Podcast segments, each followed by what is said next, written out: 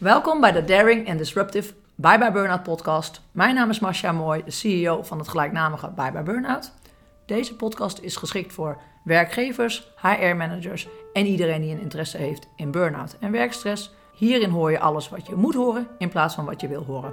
Ik wens je veel luisterplezier. Vandaag ga ik het hebben over burn-out in zijn algemeenheid. Er is geen ontkomen meer aan aan burn-out. De ene na de andere werknemer meldt zich ziek als gevolg van stress en burn-out klachten. We gaan echt met bosjes onderuit. Kranten en magazines staan er vol mee en zelfs BN'ers doen inmiddels een boekje over, open over de zware periodes in hun leven. Een aantal wetenschappers spreekt zelfs van een heuse epidemie die ons op macro- en microniveau handenvol geld kost. Dat was een paar jaar geleden wel anders, toen ik zelf midden in mijn salescarrière als headhunter op de Zuidas geveld werd door een burn-out.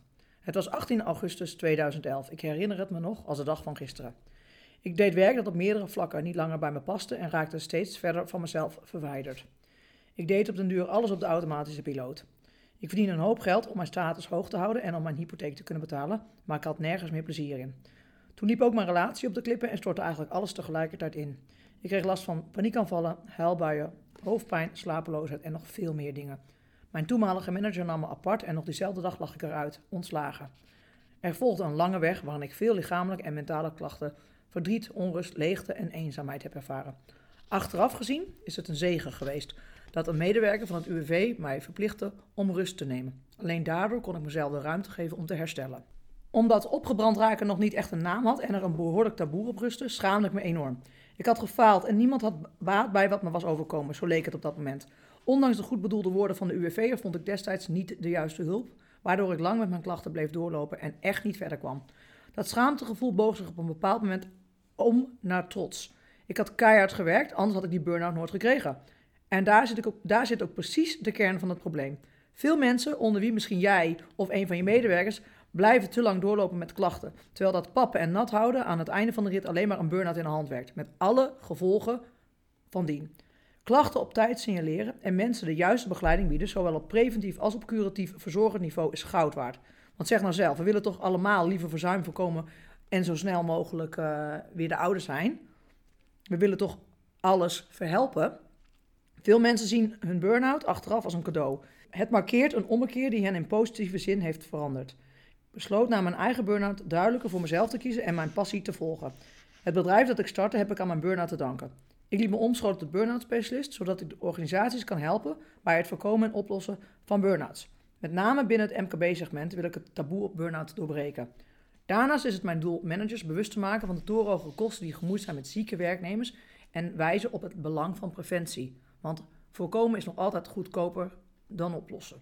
Omdat ik tijdens mijn eigen burn-out ontdekte dat structurele begeleiding niet zomaar voorhanden was, besloot ik een methodiek te ontwikkelen waarmee in korte tijd herstel bewerkstelligd kan worden. Zo is eigenlijk het 100 dagen traject met de focus op herstel ontstaan. Inmiddels biedt Bye Bye Burnout, zo heet mijn bedrijf, veel meer dan alleen dat ene programma. We zijn uitgegroeid tot een echte organisatie die ik als CEO met veel trots aan mag sturen. Op piekmomenten, maar ook als het allemaal wat minder loopt. Ik ben en blijf een trotse ondernemer. Hoewel ik ook in mijn ondernemer en directeurschap de harde werker, de perfectionist, nog geregeld tegenkom, grijp ik nu wel veel sneller in. Voorheen zou ik bepaalde signalen genegeerd hebben, nu herken ik ze en maak pas op, maak pas op de plaats of vraag om hulp. Op zulke momenten maak ik mijn agenda voor één of meerdere dagen helemaal even leeg. Ik raadpleeg mijn businesscoach en delegeer bepaalde werkzaamheden.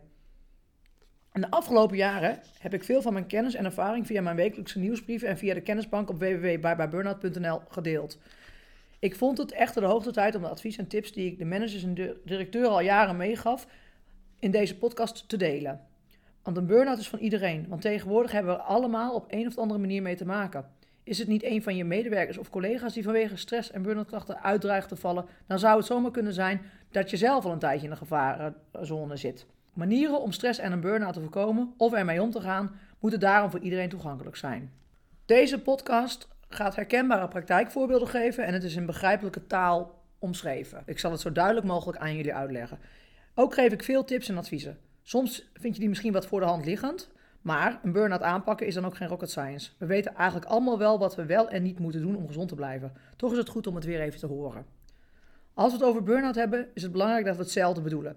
Veel werkgevers, managers en medewerkers ontbreekt het aan kennis over dit onderwerp. Vaak weet men niet eens wanneer je nu echt van een burn-out mag spreken, wat zoiets met iemand en zijn omgeving doet en in hoeverre een burn-out verschilt van langdurige werkstress, overspannenheid of depressie.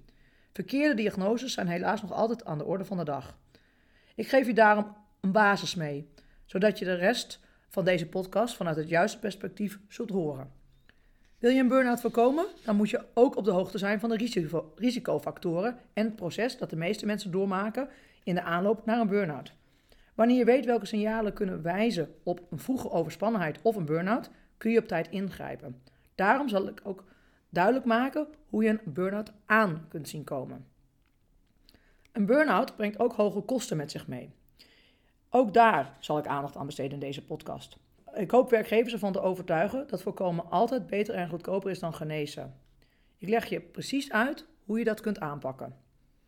Zelfs het meest waterdichte preventieplan kan bepaalde burn-out gevallen niet uitsluiten. Hoewel je als werkgever, manager en medewerker de kans op burn-out aanzienlijk kunt verkleinen, blijft het risico op uitval door burn-out altijd ergens bestaan.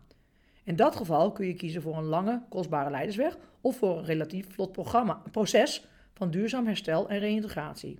Een burn-out krijgen betekent niet dat je voor altijd een burn-out hebt. Een burn-out krijgen betekent niet dat je voor altijd een burn-out hebt. Hoewel velen ooit terug zijn gevallen of zelfs een tweede burn-out kregen, is duurzaam herstel absoluut mogelijk. Dat omvat veel meer dan alleen fysiek en mentaal weer fit zijn. Ben je benieuwd naar wat het nu precies inhoudt en hoe je een terugval kunt voorkomen? Dan moet je zeker blijven luisteren, want ook dat zal aan bod komen in deze podcast. Uiteraard komt reïntegratie en alles wat daarbij komt kijken voor alle betrokkenen ook aan bod. Ik zal veel verhalen delen van mensen die te kampen hebben gehad met een burn-out. Ik heb ze opgedeeld en verspreid en gedurende de podcast zul je ze terug horen, zodat je hun reis uit de burn-out kunt volgen. Vanwege privacyredenen heb ik de namen veranderd, maar de verhalen zijn stuk voor stuk echt. Ik hoop dat deze podcast nuttig voor je gaat zijn. Of je nu werkgever, HR-manager, leidinggever of medewerker bent. Stress en burn-out op de werkvloer zijn altijd een gedeelde verantwoordelijkheid. Laten we het daarom samen aanpakken. Uiteraard wil ik je ook iets leren in deze podcast. Dus daarom 10 tips tegen werkstress. Tip 1. Plan afgebakende werksessies in. Werk gedurende 90 minuten in volle concentratie. Neem daarna een korte pauze en begin dan aan de volgende werksessie van anderhalf uur. Tip 2. Beweeg iedere dag. Sporten en actief in beweging zijn verminderen de aanmaak van stresshormonen. Iedere dag bewegen is dus goed om mentaal en fysiek fit te blijven. Tip 3. Laat het werk op het werk. Het niet kunnen loslaten van werk maakt ontspanning vinden in je vrije tijd lastig, waardoor je niet helemaal op kunt laden. Tip 4. Doe iets creatiefs. Creatieve activiteiten reduceren mentale stress. Denk aan muziek luisteren of maken, schilderen of tekenen, fotograferen, schrijven, etc. Tip 5. Mediteer regelmatig. Een paar minuten meditatie en bezinning kunnen al rust en ruimte creëren. Tip 6. Haal bewust adem. Veel gevoelens van stress ontstaan door een verkeerde ademhaling. Concentreer je op een lage, diepe en rustige ademhaling. Adem 3 tellen in via de neus en 5 tellen uit via de mond. Tip 7. Lunch niet aan je bureau. Loop tijdens de lunch even buiten een rondje om je hoofd leeg te maken. De zuurstof en beweging zullen je goed doen. Tip 8. Doe af en toe een dutje. Een powernap van 15 tot 60 minuten is goed als opfrisser van het geheugen en vermindert de kans op een hartaanval. Tip 9. Ga vaker op vakantie. Ga eens wat vaker op reis om tot rust te komen en op te laden. Laat je laptop thuis of zet de meldingen van e-mail uit tijdens je vakantie. Tip 10. Ga bijtijds naar bed. Korte nachten gaan op den duur ten koste van je concentratievermogen en veerkracht. Als je voldoende slaapt, presteer je beter en kun je meer hebben. Bedankt voor het luisteren naar de inleiding van deze Burnout podcast. De volgende aflevering zal ik dieper ingaan op wat een burn-out nou exact eigenlijk is. Dankjewel.